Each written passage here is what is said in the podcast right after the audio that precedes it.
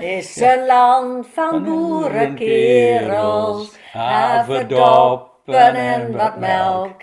Die ze van de koeien krijgen, want zo'n dier heeft daar haast elk. Dat zit er in ieder geval, dat is een stukje ervan. Zoiets gaan. Ja. Ja. Het volkslied van het dorp Gieterveen. Een dorp met een paar honderd inwoners, een hechte samenleving. Maar ook een dorp dat in de Tweede Wereldoorlog geen eenheid was. Mensen maakten keuzes voor de NSB, voor het verzet of om onder te duiken. En één enkele keuze kan alles veranderen.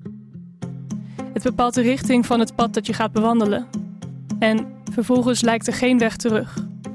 Als een sneeuwbal die steeds harder en harder rolt, groter en groter wordt. Feit is, hij gaat naar beneden. Je weet alleen niet waar hij eindigt en stopt met rollen. Die ene keuze, die maakte Geert toen hij besloot zijn zoon te helpen onderduiken. Het was misschien niet eens zijn eigen keuze. Geert had liever dat zijn zoon voor de Duitsers ging werken. Hij dacht dat dat veiliger zou zijn. Maar Jan wou dat onder geen beding. En als vader help je je zoon. Sterker nog, Geert deed er alles aan wat hij kon om een veilig onderduikadres te vinden.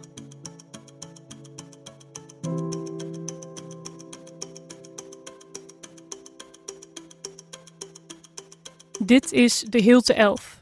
Een podcast over een vader die zichzelf kan redden tijdens de Tweede Wereldoorlog, maar zijn zoon niet. En dat gegeven draagt hij de rest van zijn leven met zich mee. Als je de vorige afleveringen nog niet hoorde, kunnen we je aanraden om die eerst te beluisteren. Daar vertelden wij, Hilde Boelema en ik, Marjolein Knol, je meer over het begin van de oorlog. En over de avond dat het gezin voor het laatst samen was op hun boerderij in Gieterveen. Nou, dan hebben we zo zachtjes aan naar jouw uh, onderduikersperiode toe. Wanneer, weet je nog wanneer je aan het dood bent? Oh, we gaan juli. In uh, Drenthe. Drenthe. Na het vertrek van Jan kreeg ook Hendrik bericht van de Duitsers. En ook hij dook onder nadat zijn vader Geert hulp vroeg van een bevriende familie. In Gieterveen wist daarna niemand waar Jan en Hendrik waren. Ook het gezin niet. Als iemand ernaar vroeg, waren ze in Hamburg. Dat was de afspraak. In werkelijkheid werkte Jan in het geheim op een boerderij in Friesland en Hendrik in Groningen. In Gieterveen waren nu nog drie van de vijf kinderen over. Harm, dochter Lammy en jongste zoon Piet. Maar ze kregen al snel gezelschap. Want na het vertrek van Hendrik en Jan kregen hun ouders de vraag of ze zelf ook onderduikers in huis wilden nemen.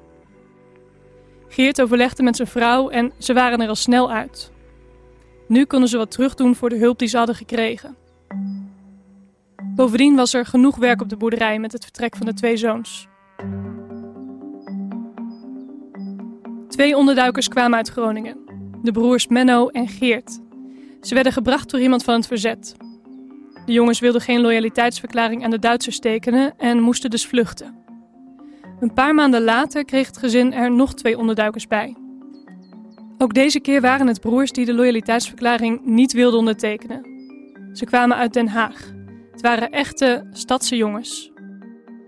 Waar had je ze nog verstopt, die onderduikers? Hij ze, waren ze gauw verstopt als je Ja. uh, mensen kwamen? Heel, heel, heel praktisch. Die, bij die boerderij, hij sta, ja, staat nog de schuur, Ja. die boerderij. Ja. En dan, daar zat een, een, eh, nou, het is maar er zat een zolder in. Ja. En er zat stro op. Oorlog, oorlog veel stro hoor. En dan kunnen ze jongens zo door belangen slinden en zijn zonder stro, want je zijn ondergevangen. Ja, ja. Geert maakte een schuilplaats voor ze op de zolder boven de schuur. Zoon Harm was in die tijd vaak op het land aan het werk met de twee onderduikers uit Groningen. Daar waren ze overdag niet op de boerderij en het werk op het land werkte goed tegen de verveling. Als gevaar dreigde, dan konden de onderduikers schuilen tussen de gewassen. Harm zelf liep geen gevaar. Als oudste kind van het gezin kreeg hij een vrijstelling, een Ausweis. Hij hoefde dus niet te werken voor de Duitsers en mocht blijven werken op zijn vaders boerderij. Hoewel de onderduikers alle contact met buurtgenoten vermeden, wist een aantal mensen dat de familie Nijboer onderduikers had. Een van hen was postbode Albert Trip. En die was in de oorlog bevriend met mij en ook met de groot NSB'er er was. Dat ik ben zo vaak gewaarschuwd door het publiek, hoe dat ik met Albert Trip nog altijd koffie drinken kon. Enzovoort, enzovoort. Maar Albert Trip was mijn leidsman. Als er wat gebeurde, dan zei ik, Geert, dat gebeurt er vannacht. Er waren een paar informanten waar het kleine groepje verzetsleden in Gieterveen en Gieten op terugviel om de onderduikers te beschermen. De postbode waarschuwde Geert altijd als er een razzia aankwam. Maar ook de naam van een politiecommandant horen Hilde en ik regelmatig voorbij komen in onze zoektocht. Dit is bijvoorbeeld wat dorpsgenoot Lambert Ketelaar zegt in eenzelfde soort interview met het Drents Archief als Hendrik en Geert Nijboer hadden in de jaren 80. We kregen al die bericht van Guus Schoenmaker, die was politiecommandant de Bareveld. En die belde, jongens, er komt razzia en dan gingen wij alle onderduikers in Gieterveen gingen wij langs. En die moesten naar weg. Op deze manier ging het een jaar lang goed. De familie kreeg op tijd een waarschuwing en zo waren zowel de onderduikers veilig als het gezin zelf. Tot de nacht van 15 augustus 1944. Toen kwam er geen waarschuwing. Niet van postbode Trip en niet van commandant Schoenmaker. En zo dan nog wel even doen. En hoe, hoe ging dat toen, dat ze kwamen zeggen... Dat eh, gewoon? ja, Ja, dat. Nou, een fijn. Dat, Wil je aan de deur klapt, hè? ja, Ja, met geweer dat ding aan. Maar ik moet erbij zijn, die boerderij was met 60 man omsingeld. De boerderij was omsingeld door maar liefst 60 landwachters. Die waren met 60 man. Geerts kleindochter Roelie vertelt wat er toen gebeurde. S'nachts werden, had, hoorde opa een hoop lawaai. En ehm, de onderduikers die hadden dat ondertussen ook gehoord. En die wilden toen, eh, ja dan moesten ze onder het stro of zo naar de zolder.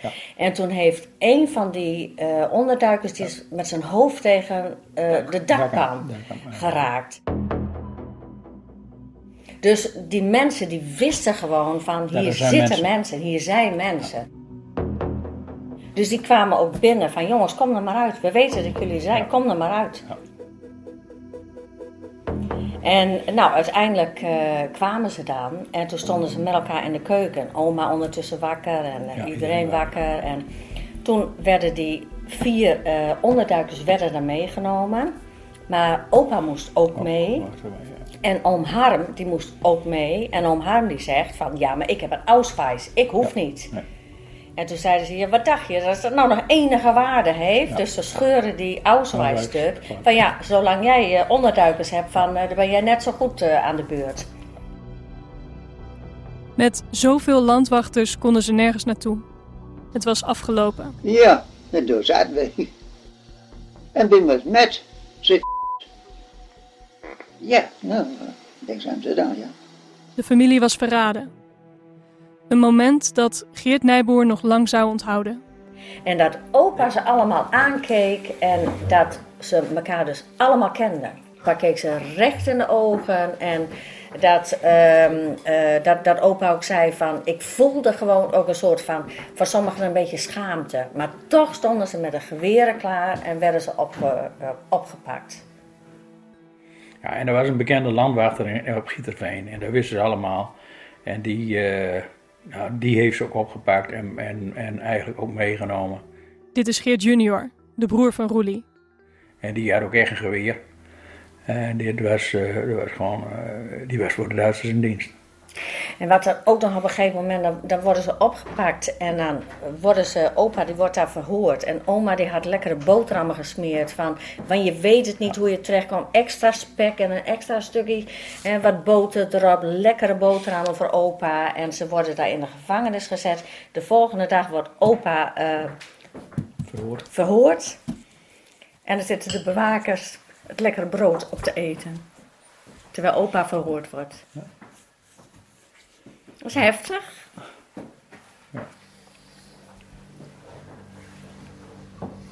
Dan denk je, wat een haat. Hoe kunnen mensen, hoe kunnen mensen zo laag gaan of zo, hè?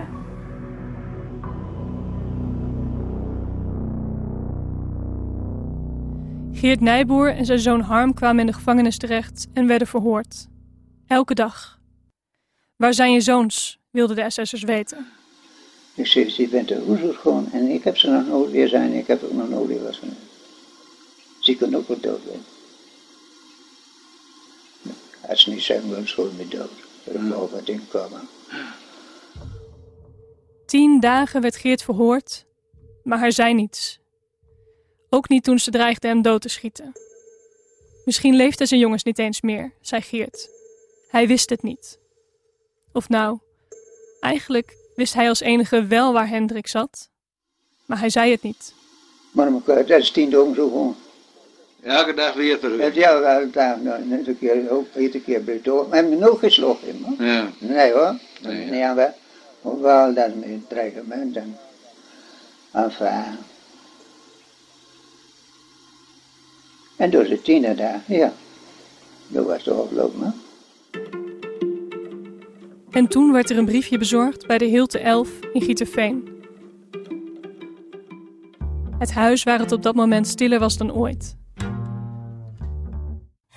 Geen Hendrik, geen Jan, geen Harm, geen onderduikers en geen vader Geert. Maar, na tien dagen, wel een briefje. Hij werd bezorgd bij Grietje, de vrouw van Geert. Haar kleinzoon Rijn leest het briefje voor. Lieve vrouw en kinderen, hiermede bericht ik jullie dat ik in Assen zit. Ik ben vandaag gehoord en wanneer ik nu vrijwillig 5000 gulden stort voor het Duitse Rode Kruis, dan word ik vrijgelaten. Willen jullie ervoor zorgen dat dit geld zo spoedig mogelijk wordt gestort bij de Ziegerheidsdienst? Leen het maar bij de Boerenleenbank en vraag oom Willem maar als borg. Verder de hartelijke groeten voor jullie allen van je liefhebbende man en vader G. Nijboer. Ja, Samen met de dominee ging Grietje naar de boerenleenbank en het lukte om het geld te krijgen. Ik heb toen, ik afrekenen aan mijn deur. Ja. En dan kon ik gewoon, ik zei met mijn zoon dan. Nee, die gaan naar vlucht, zei ik. Dat, dat, nee. Geert mocht de gevangenis verlaten. Ik zei, dan geef ik 14.000 gulden. Ik 14.000 gulden ben ik ben. Nee, nee. Ja, nee, die tien is genoeg. Als staan Ja. zo in buurt. En Harm niet. Nee, het is nog vluchtgegaan.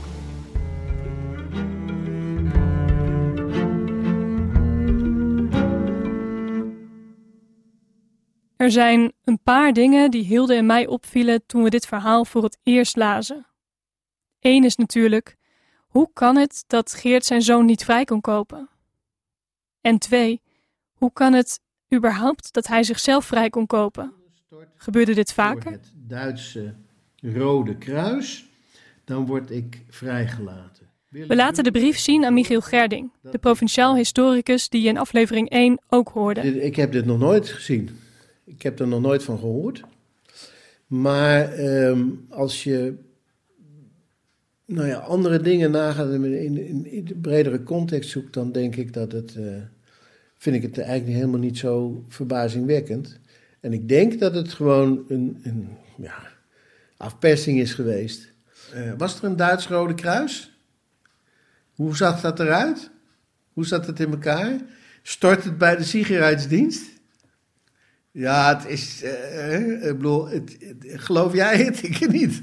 Dus dat is iemand die heeft de mogelijkheid gezien, zo schat ik het in, om een, eh, mooi slaatje uit te slaan. Ik weet niet wie dat geweest is. Volgens Gerding zat het vol schurken en is er geroofd als een gek. Toch kende hij zo geen vergelijkbare Drentse voorbeelden. Ook in het Drents archief is nergens iets te vinden over het Duitse Rode Kruis. In onze zoektocht naar meer duidelijkheid stuurt Hilde een mail naar het NIOD, het Nederlands Instituut voor Oorlogsdocumentatie. Ik kreeg al snel een mail terug en ehm, ze bleken daar een ordner te hebben met een aantal vergelijkbare gevallen. Die wilde ik natuurlijk heel erg graag inzien. Dus op een eh, ochtend in december ging ik naar Amsterdam. Nou, daar kwam ik het NIOD binnen en van de archivaris van het NIOD kreeg ik een klein dun mapje. En er zaten een aantal losse papiertjes in. Nou, die, dat mapje had de titel Afkoping van strafvervolging, vrijwillige schenking van het Duitse Rode Kruis. Ik mocht het alleen inzien onder strikte voorwaarden. Dat betekende dat ik geen foto's ervan mag maken. Eh, aantekeningen gelukkig wel. Nou, Ik las dat een eh, fabrieksarbeider uit Sommelsdijk 30 gulden moest afdragen. En een vrouw uit Amsterdam die moest 100 gulden betalen. Allebei om strafvervolging te ontlopen.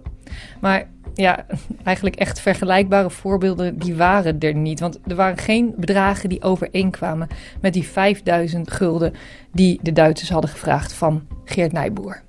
Ja, dan kan ik, kan ik, ja, het is hoog. Dat is, dat is zonder meer waar. Maar ja, goed, je zit dan ook, je zit al in 44, hè? Dus het is, het, het, eh, eh, is het Nederlandse geld, functioneert, eh, functioneert het geldstelsel nog? Hoe zit dat in elkaar? Hè? Hoe, hoe gaat dat? Want er zijn natuurlijk ontzettend veel oorlogswinsten ook, OW'ers en zo, dat soort zaken. Daar weet ik eigenlijk te weinig van om daar iets van te zeggen. Maar dat kun je wel nagaan. Wat het waard was op dat moment. Hè? Daar komen we snel achter. 5000 gulden in 1944 zou nu 30.000 euro waard zijn. 30.000 euro. Dat bedrag heeft de familie Nijboer bij elkaar weten te krijgen. En dat niet alleen. Ze wilden nog meer geld bieden, zodat ook Harm vrij zou komen. Nou ja, op een, misschien op een of andere manier is even nou dan. Ook zijn kleinkinderen, de kinderen van Hendrik, vragen we hiernaar. Hij had, hij had in ieder geval eerst geprobeerd van of het Ja. kon. En dan zou hij daarna wel zorgen dat hij dat ook op de Misschien een had of andere land verkocht ja, of zo, Of een weet ik koe, veel, of weet ik veel wat dan ook. Of, eh, maar goed, dat is, dat is, dat, daar gingen ze niet mee akkoord.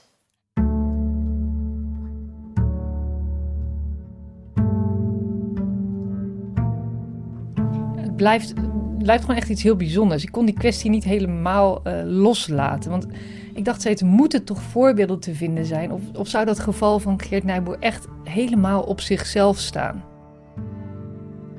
Dus ik heb verder gezocht en via via kwam ik op het spoor van een boer in het Friese dorp Gerijp. En hij had ook een onderduiker in huis, net als Geert Nijboer. En die wordt dus ook betrapt. Ehm, De boer wordt meegenomen en verhoord. Eh, Ze dreigen ook hem naar een concentratiekamp te sturen. Ehm, Maar deze boer die stelt zelf voor om een geldboete te betalen. De Duitsers die gaan hier uiteindelijk mee akkoord. De boer betaalt 1000 gulden en hij komt vrij.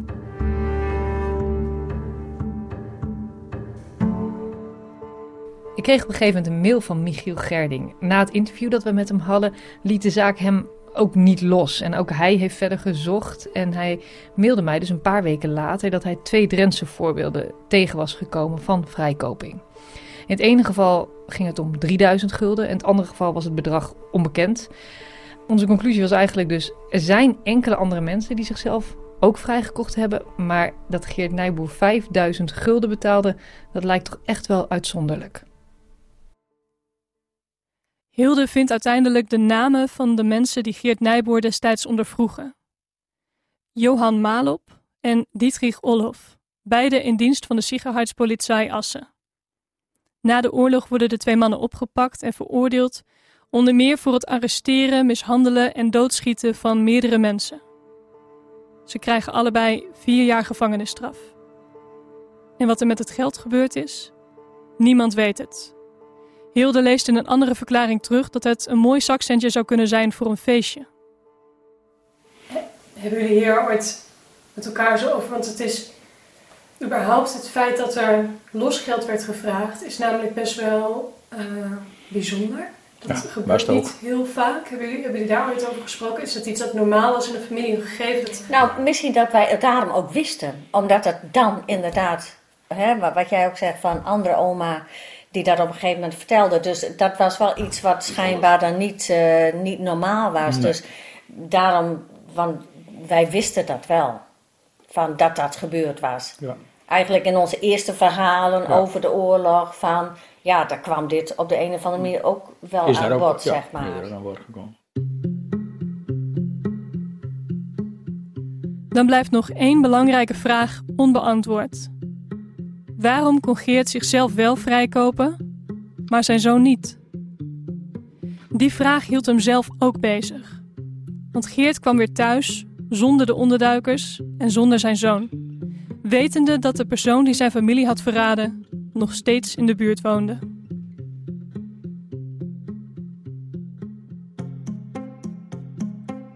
Wat Geert niet wist, is dat op een andere plek zich ook een drama voltrok. Nadat zijn oudste zoon Harm was weggevoerd naar kamp Vught, werd ook een van zijn twee ondergedoken zoons verraden. Ook hij werd opgepakt en moest naar Duitsland.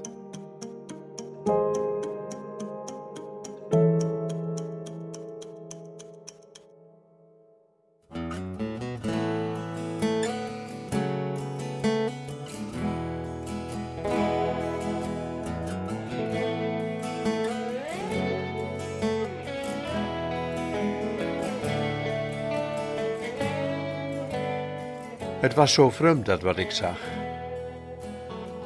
Ik was weer in mijn kinderland. En wie ik jaren missen moest, die speelden in het zomerzand.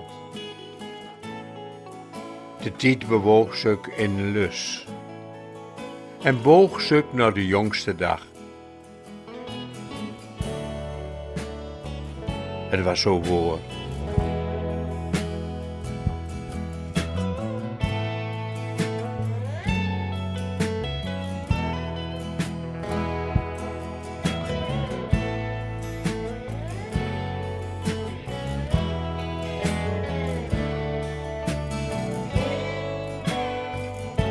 En op het water schreef het loch die ene naam. Het werd niet vroeger en niet laat. Ik stun maar bij dat stille raam.